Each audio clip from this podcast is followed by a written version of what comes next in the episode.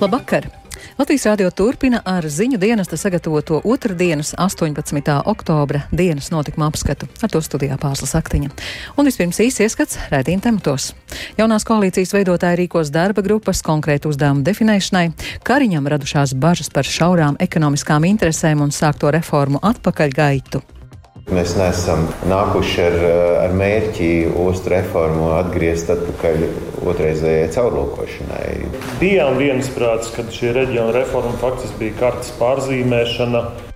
Latvijā joprojām izplatītākais cilvēku tirdzniecības veids ir darba spēka eksploatācija pēc labu draugu ieteikuma, nu kāpēc ne, iespēja viegli un ātri nopelnīt. Beidzās ar to, ka cilvēks tiek eksploatēts, strādā principā par vēdera tiesu, tiek ieslēgts, pie viņa tiek vesti klienti. Krievija nedēļas laikā izpostīs 30% ukrāņu elektrostaciju. 1100 pilsētu šobrīd ir bez elektrības, un kritiska situācija ir visā valstī, jo reģioni ir savstarpēji atkarīgi. Nākamo koalīciju veidojošās partijas jaunedēļ rīkos darba grupas uzdevumu definēšanai konkrētās nozarēs.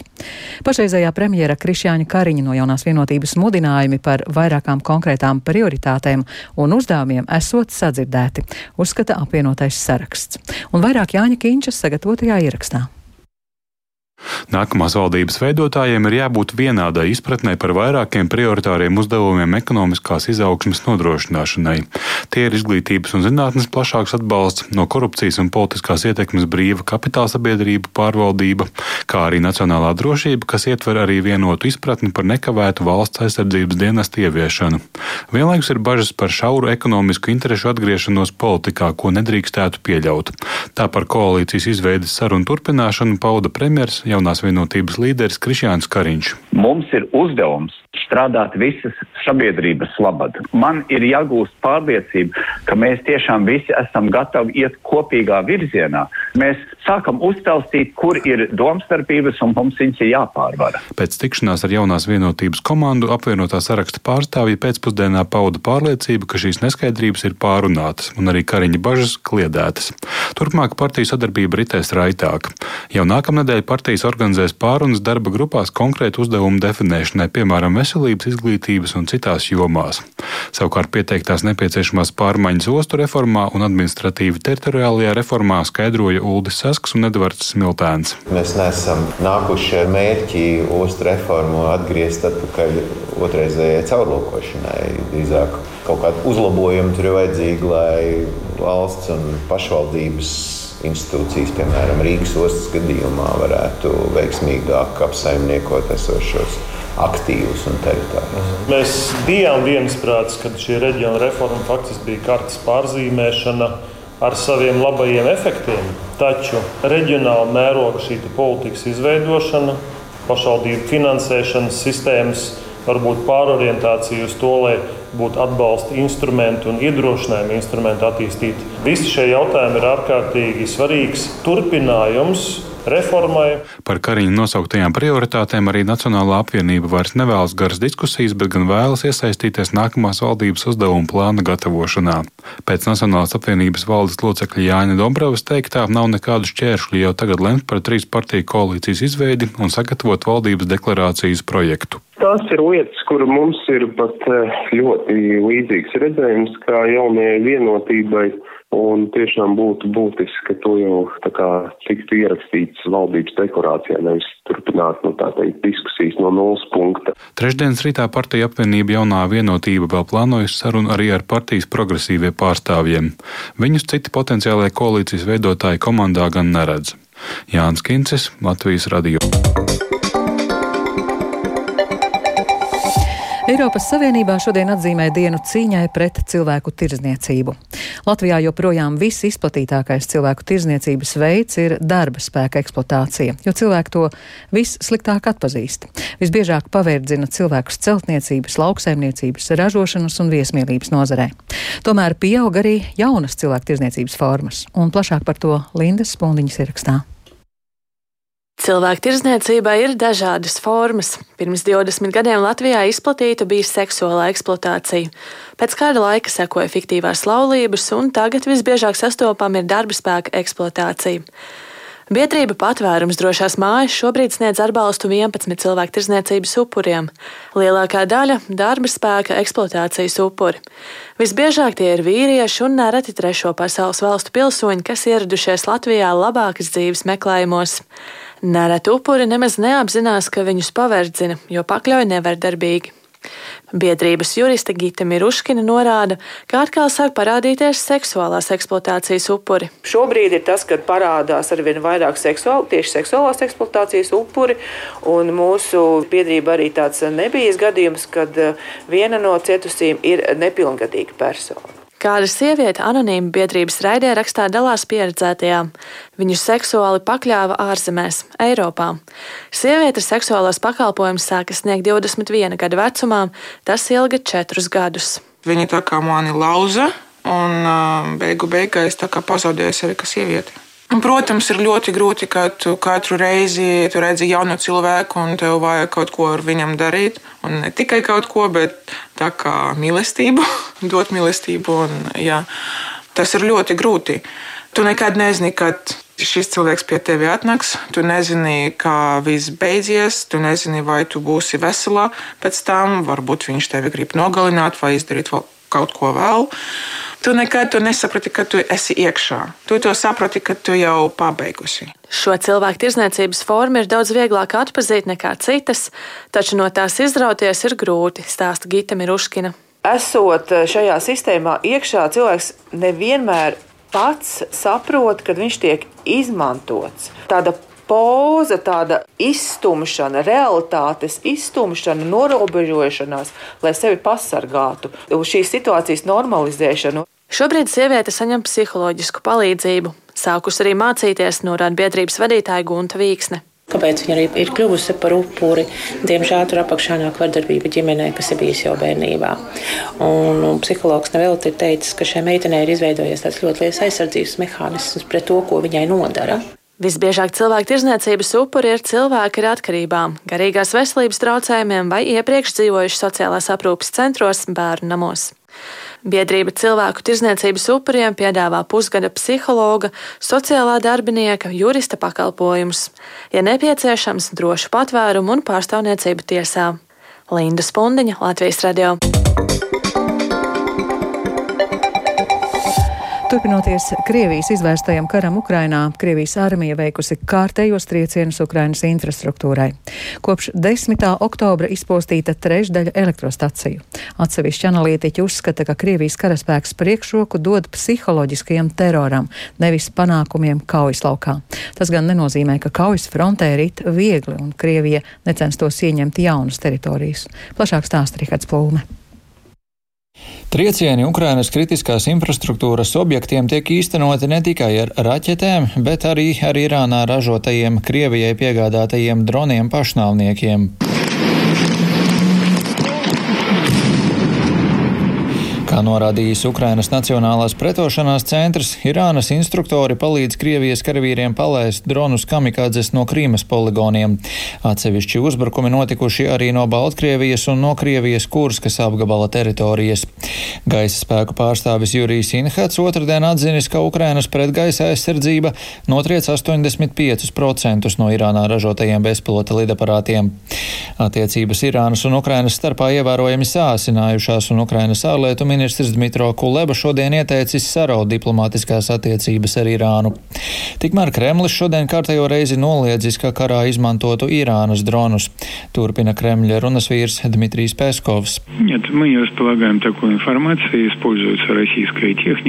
Nē, mums nav šādas informācijas. Tiek izmantota Krievijas tehnika, jūs to zināt, ar Krievijas uzrakstiem.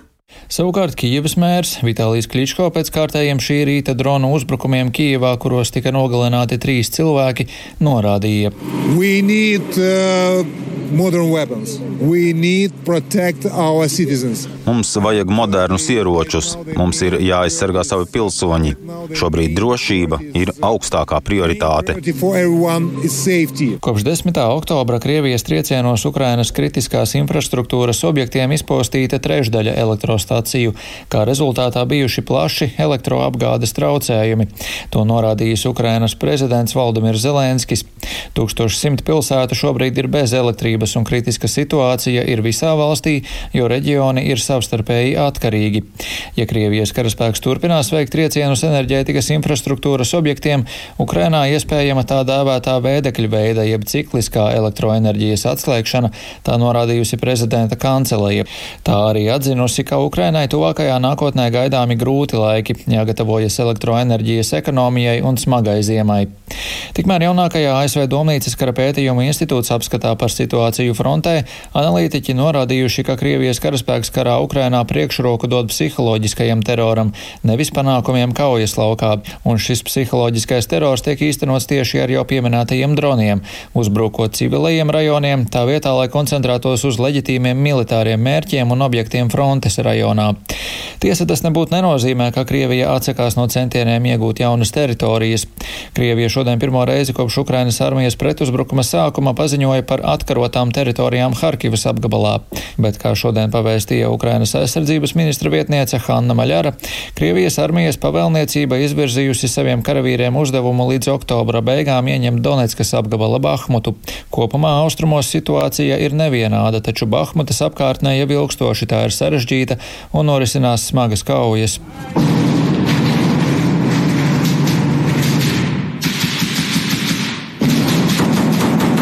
Šobrīd ienaidnieks ir pilsētas tūmā, un Ukrainas armija izmanto visus spēkus, lai nedotu ienaidniekam iespēju virzīties uz priekšu. Savukārt Lielbritānijas aizsardzības ministrijas izlūkdienesta dati liecina, ka Krievijas armijai panākumu uzbrukuma operācijā pie Bahmutas nav, tās virzība ir ļoti lēna. Tikmēr valsts dienvidos notiek pakāpeniska Ukrainas armijas virzīšanās uz priekšu, ir arī liecības par demoralizāciju Krievijas karaspēka rindās. Rihards Plūme, Latvijas radio. Pēc sprādzieniem, kas tiek uzskatīti par sabotāžu. Iznīcināti vai aprakti Baltijas jūras dzelmē vismaz 50 metri Nord Stream 1 gāzes vada. Tas redzams šodien publicētos video materiālos. Abi Nord Stream cauruļvadi septembrī nogalē cieta vairākās eksplozijās un izveidojās četras noplūdes. Kā ziņoja Zviedrija pārbaudē secinātais atbilst aizdomām par iespējamu sabotāžu. Netieši notikušajā tiek vainota Krievija. Turpina Rihards Plūme. Kā redzams Zviedrijas laikrakstā Expressen publicētajos zemūdens video materiālos, 80 metru attālumā no cauruļvada Nord Stream 1 sākuma ir daudz saplēsta un salocīta metāla.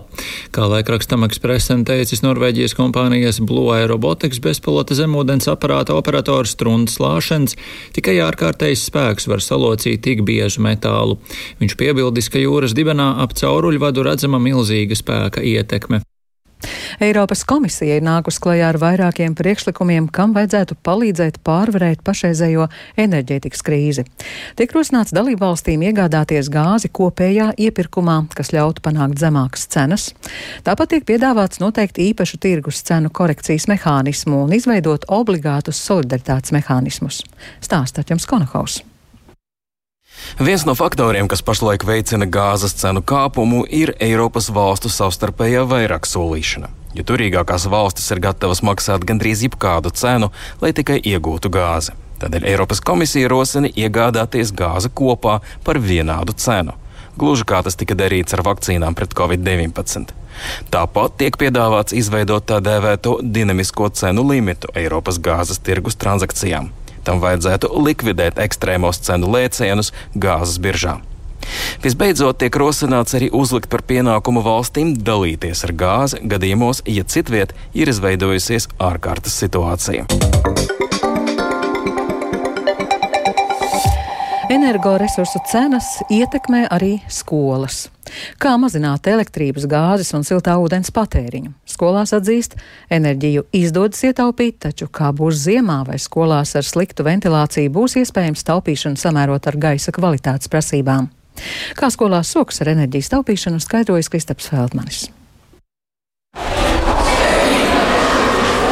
Rīgas teikas vidusskolā aizrit intensīva mācību diena. Brīdī, kad to apmeklēju, ir starpbrīdis. Tas ir laiks, kurā visaktīvāk izmanto koplietošanas telpas, gaiteņus, un daudzi pat varbūt nemaz nemana vienu no skolas enerģijas taupīšanas veidiem. Vietām koplietošanas telpās netiek ieslēgts pilnais apgaismojums, bet puse no lampām.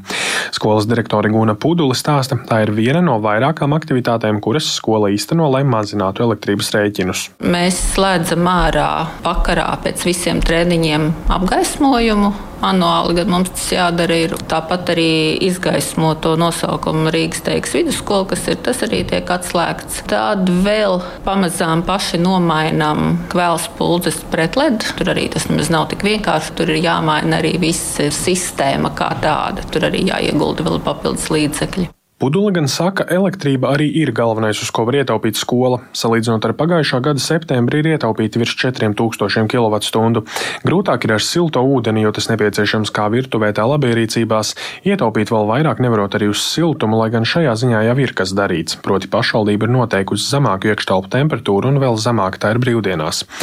Pudula gan atzīst, līdzīgi kā daudz vieta, arī teiks vidusskolā ir novecojusi un nepārāk laba ventilācija. Un, nu, pie jau tā zemākas iekštelpu temperatūras arī ziemas augstākajos mēnešos nāksies vērt vaļā logus, lai izpildītu gaisa kvalitātes prasības. Tādēļ viņi ar bažām gaida ziemas spēlgoni, cerot, ka tas skolēnus un darbiniekus pārāk nesaldēs. Ļoti daudzas pašvaldības šajā laikā ir izstrādājušas ieteikumus, kā izglītības iestādēm ietaupīt enerģiju. Tas darīts arī galvaspilsētā. Rīgas enerģētikas aģentūras direktors Jānis Ikaunieks skaidro, izglītības iestādēm noteikts darba dienās samazināt temperatūru par vienu grādu, brīvdienās un naktīs par četriem grādiem grādiem salīdzinot ar iepriekšējā periodā iestatīto. Tāds ir ietaupīt 15% enerģijas. Šobrīd enerģētikas aģentūra strādā, lai jau individuāli skolās meklētu iespējas ietaupīt vēl vairāk, stāstīja Kaunieks. Mēs tam radio rīkojumos vienojuši klāt salīdzinoši gāru kontrolu lapu, jebkurš iestādes vadītājs var iepazīties un faktiski organizēt vēl papildus pasākumus. Mēs lielāko daļu enerģijas šobrīd veltīsim tieši tam, lai šie pasākumi tiktu ieviesti. Faktiski arī apskojot ēkas un palīdzot atsevišķās iestādēs identificēt papildus pasākumus. Savukārt elektroenerģijas tirgotāja uzņēmuma Enefit biznesa klientu segmenta vadītājs Edgars Cvetkovs iespējas ietaupīt skolām dala divās daļās. Vidējā termiņā skolas, ja tām pietiek līdzekļu, var domāt pat par saules paneļu uzstādīšanu, kā arī mainīt apgaismojumu uz LED iekārtām. Taču ir arī daudz kas tāds, ko var darīt uzreiz, turpina Cvetkovs. Pirmais, visvienkāršākais ir apgaismojuma izslēgšana telpās, kuras nelieto, piemēram, pusdienu pārtraukumos. Nav nepieciešams apgaismojums visās telpās. Tāpat var ierobežot elektroierīču lietošanu, tāpat tās ierīces, kur ļoti labi atslēgt no strāvas brīžos, kad tas nav vajadzīgs. Un, ja ir iespēja, tad arī apkurss temperatūru samazināšana arī var būt kā opcija, piemēram, vakaros vai brīvdienās. Tāpat īstermiņā skolas var pārskatīt elektroenerģijas iepirkuma stratēģiju, proti ir jāiegulda laiks, lai izvērtētu visus piedāvājumus piedāvājumus, tādējādi izvēloties to, kurš ilgtermiņā var palīdzēt ietaupīt ļoti daudz naudas. Kristaps Feldmanis. Latvijas radio. Izglītības iestādēs ir jānodrošina laba gaisa kvalitāte, tādēļ taupot enerģiju vajadzīga elastīga pieeja. Tā norāda Latvijas pašvaldības savienības padomnieks tautsaimniecības jautājumos Aino Salmiņš viena puse ir taupīt, otra puse arī ir ievērot šos drošības pasākumus, kas saistās ar covid un ventilāciju. Tā kā šeit ir ļoti elastīgi jāpieiet un arī tāda pārcenšanās vai enerģijas taupīšana arī var atstāt diezgan ievērojumu ietekmu uz skolēnu veselību. Bet nu, katra pašvaldība ir izstrādājusi par rīcības plānām. Nu, katrā ziņā tas, ka viens grāds temperatūras ietaupa tos 5% no siltumenerģijas patēriņa, tas ir tas, ko pašvaldības cenšas ievērot. Tiesa gan jārunā ir par to, ka nevienmēr šie valsts atbalsti ir ļoti korekti saistībā ar pašvaldību iestādēm. Diemžēl saima neuzskatīja par līdzvērtīgu pašvaldību iestādes un organizācijas uz valsts atbalstu saistībā ar kurināmo. Diemžēl mums nav atbalsta šajā kurināmā kompensācijas ziņā un ir ļoti līdzvērtīgi pieeja arī saistībā ar valsts institūcijām un komersantiem, jo arī elektrības sadaļā mums atbalsts ir virs 170 eiro, taču mums nav atbalsta saistībā ar OIK un pārvades tarifiem. Jādomā, ka šo kļūdu tomēr un šo vienlīdzīgo pieeju jaunā sēma labos. Un jā, jūs jau minējāt šo te apkurss grātu mazināšanu, bet iepazīstoties ar pašvaldību ieteikumiem par to, kā skolas var ietaupīt, kas vēl tajos parādās? Tie režīmi, kurā brīdī, no tad, kad skolēni nav telpās, tad arī šeit ir šie atšķirīgie režīmi un skolas mēģina savietot pa pulcņiem. Nu, tagad pašvaldības cenšas sakoordinēt šos pasākums tā, lai mācību iestādes arī tajās ārpus skolas nodarbībās tiek izmantot daudz racionālāk. Vairāk nekā 37 tūkstoši cilvēku brīvprātīgi paši atteikušos personu reģistrā sev liekuši piekļuvi azartspēlēm un izlozēm. Bet kopumā Latvijā azartspēles ir liekt spēlēt gandrīz 64 tūkstošiem cilvēku. Linda Zalāne skaidro, kādus uzlabojumus reģistrā nepieciešams veikt un cik tālu ir iecerējis veidot Baltijas kopējo reģistru. Nepilnos trīs gados kopš Latvijā darbojas pašatteikušos personu reģistrs, brīvprātīgi sev lieguši piekļuvi azartspēlēm un izlozēm vairāk nekā 37 tūkstoši cilvēku. Minimālais lieguma termiņš ir gads un 13 tūkstošiem cilvēku tas ir beidzies. Un tas nozīmē, ka kopumā šobrīd reģistrā aktīvs liegums ir 24 tūkstošiem cilvēku. Lielākoties reģistrā reģistrējas vīrieši, teju 97%. Latvijas izložu un azartspēlēm azartspēļu uzraudzības inspekcijas vadītāja Signe Birne teica, ka reģistrs strādā labi un šis līmenis jātur arī turpmāk. Uzskatu, ka tas ir labs rādītājs, ka cilvēki izmanto šo doto iespēju. Tomēr Birne arī akcentē, ka Latvijā azartspēļu atkarības risks aizvien ir ļoti augsts. Pirms trīs gadiem veselības ministrijas veiktais pētījums liecina, ka Latvijā 6% jeb 79 tūkstošiem cilvēku ir azartspēļu atkarības risks, bet 16 tūkstošiem ir atkarība jau smagākā pakāpē. Lai gan nav veikta uzskaita, cik daudz Latvijas iedzīvotāji kopumā spēlē azartspēles, Rīgas Stradiņu universitātes asociētā profesore Anda Ķīvīte Urtāna teica, ka pētījums ļauj izdarīt secinājumus. 19. gada pētījumā tātad puse kaut reiz dzīvē ir spēlējuši nu, tādi, ko varētu regulāriem spēlētājiem saukt, kas ir nu, vienu reizi mēnesī spēlē. Tie ir 12,5% no pieaugušiem iedzīvotājiem. Nu, apmēram jau tos ciprus mēs zinām. Asociētā profesore pašatteikušos personu reģistru dēvē kā glābšanas riņķi, tomēr saka, ka ar to vien nav gana. Reģistrs nevar būt vienīgā aktivitāte. Tas ir tāds sabiedrības veselības princips, lai par ko mēs runātu. Vienmēr ir nepieciešams pasākumu komplekss. Un, nu, kā jau teicu, zinātniskā literatūrā ir veseli četri šie pasākumu kompleksi. Neviena no tām metodēm nav perfekta. Un arī reģistrs mūs neglābs, bet tā ir tāda laba, bieza šveices siera šķēle. Jā, ar kaut kādu caurumu, bet tomēr bet mums tās šķēles ir jāliek vienotrai. Papildus visam tām pārējām, kas Latvijā ir. Ekspertu diskusijas laikā izskanēja vairāk priekšlikumi, kā uzlabot reģistru. Piemēram, azartspēļu rīkotāja Sijā Viljama Hila Latvija valdes loceklis Kaspars Rāzne pauda, ka Latvijā būtu lietarīgi apsvērt saīsinātu paša teikšanās minimālo laika periodu, iespējams piedāvājot arī dažādus termiņus. Šobrīd minimālais termiņš ir gads. Man šķiet, ka teiksim, šis gandrīz jau pieņemtais lēmums, es nezinu, kādā statusā par 21 gadu kā minimālo vecumu, tas arī viennozīmīgi palīdzēs. Jo, kā jau minēts, šī atkarība ir process, kas nenotiek tā uzreiz, tas attīstās. Jaunieši ir ievainojamāka šis segments. Izslēdzot šo segmentu teikt, no spēles, mēs viennozīmīgi panākam to, ka nākotnē no šiem cilvēkiem gluži vienkārši būs mazāk tādi, kas nonāks tādā situācijā, ka sev vispār reģistrā jāiekļauj. Tāpat pie veicamajiem darbiem ir Baltijas kopējā paša teikušos personu reģistra izveide. Turpina Signe Birne. Konceptuāli ir atbalsts gan no Lietuvas, gan no Igaunijas tādā ekspertu līmenī. Protams, tur ir vēl politiska vienošanās jāveic starp attiecīgo visu trīs valstu finanšu ministriem, bet, eh, cik es tad šobrīd eh, ir mūsu pusē piedāvājis tehnisko risinājumu, kādā veidā to varētu izdarīt. Jo visās trīs Baltijas valstīs šādi reģistri darbojas, bet katrā no tām ir savi tehniskie risinājumi un nosacījumi. Linda Zalāne, Latvijas radio. Un ar to izskan dienas notikuma apskats producents Edgars Kupčs, ierakstus montēja Renāša Steimanis par labskaņu rūpējās Rīta Karneča, ar jums runāja Pārslas Aktiņa. Īsti par svarīgāko - jaunās koalīcijas veidotāji rīkos darba grupas konkrētu uzdevumu definēšanai. Latvijā joprojām izplatītākais cilvēku tirzniecības veids ir darba spēka eksploatācija. Krievija nedēļas laikā izpostīs 30% Ukraiņu elektrostaciju. Latvijas radio ziņām sekojiet arī Latvijas Radio 1 Facebook lapā un LSMLV.